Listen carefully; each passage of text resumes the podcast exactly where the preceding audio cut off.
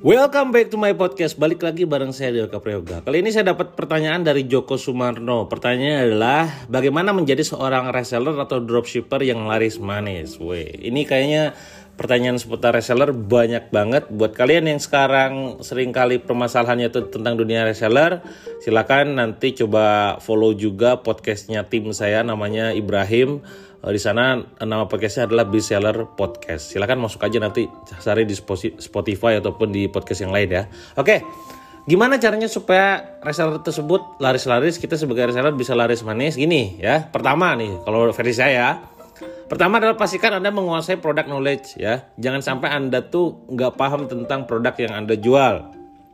Product knowledge itu apa aja di dalamnya? Tentang benefitnya, tentang fiturnya, tentang masalah yang bisa diselesaikan apa ya, tentang segala macam lah pokoknya tetek bengek dunia produk itu yang anda jual anda kudu paham. Karena bagaimanapun anda sebagai penjual beda dengan pebisnis. Kadang pebisnis itu dia tidak paham eh, tentang detail produknya. Tapi kalau misalkan penjual itu wajib banget paham tentang produk knowledge-nya ya.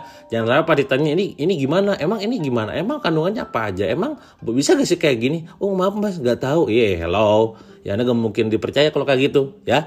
Itu nomor satu pastikan anda menguasai produk knowledge itu ya. Nomor dua adalah pastinya anda benar-benar paham tentang sistem ya. Sistem dari perusahaan tersebut Jangan sampai nanti tuh Anda bikin sebuah kebijakan ya berpromosi yang menyalah aturan, yang ngikutin aturannya tuh tidak sesuai dengan apa yang ditetapkan sama perusahaan. Ya, ini menjadi penting karena apa?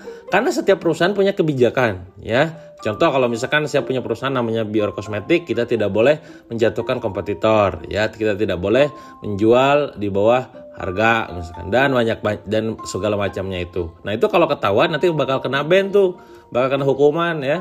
Nah itu ada caranya juga gimana cara membuat sistem yang kayak begitu. Nah ini tugas perusahaannya. Tapi kalau anda sebagai reseller, anda kudu paham sistem. Jangan sampai nanti pas promosi itu asal promosi aja gitu. Itu nomor dua ya. Jadi pahami sistemnya ya. Nomor tiga adalah akses ke marketnya. Jadi anda harus punya akses ke market ya supaya bisa laris manis. Nah market ini kan tugas anda nih dalam artian uh, ya adanya adanya anda itu ya untuk jualan. Anda sadar itu ya anda jangan protes kan kenapa ya produknya susah dijual gitu ya. Ya kalau gue bisa sendiri gue jualin aja sendirian semua gitu. Ente nyadar adanya ente itu untuk ngapain? Untuk bantu kita gitu. Jadi si reseller itu perlu sadar diri ya. Dia itu adalah kaki tangannya si perusahaan. Dan Anda kudu terakses ke market. Jangan malah diem doang nunggu orderan. Wah ini kacau yang kayak begitu tuh ya. Jadi Anda perlu ada akses ke market entah itu misalkan di sosial media, entah itu di website, entah itu di blog, entah itu offline bahkan di komunitas dan lain-lain. Itu yang ketiga, akses ke market. Nomor empat, kalau Anda pengen laris juga ya Anda pastinya menguasai apa namanya membangun personal branding yang kuat. Karena kalau sudah bangun personal brand, orang sebenarnya beli itu bukan semata-mata karena produknya, tapi karena andanya. Wes pokoknya kalau dia yang jual gue beli dah gitu. Nah itu personal brand ya.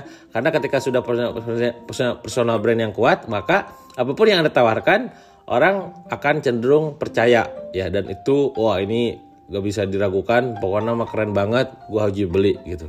Itu empat poin penting kalau Anda memang pengen jadi reseller ataupun dropshipper yang laris manis. Poin-poin lainnya banyak juga, misalkan Anda bisa menyediakan uh, bonus khusus ataupun special offer buat mereka yang beli ke Anda.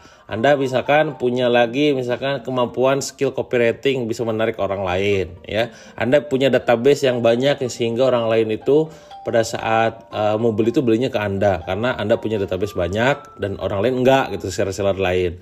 Titiknya banyak banget lah pokoknya ya. Tugas anda adalah membangun itu semua. Monggo dipraktekkan. Itu aja mungkin untuk proses kali ini seperti biasa.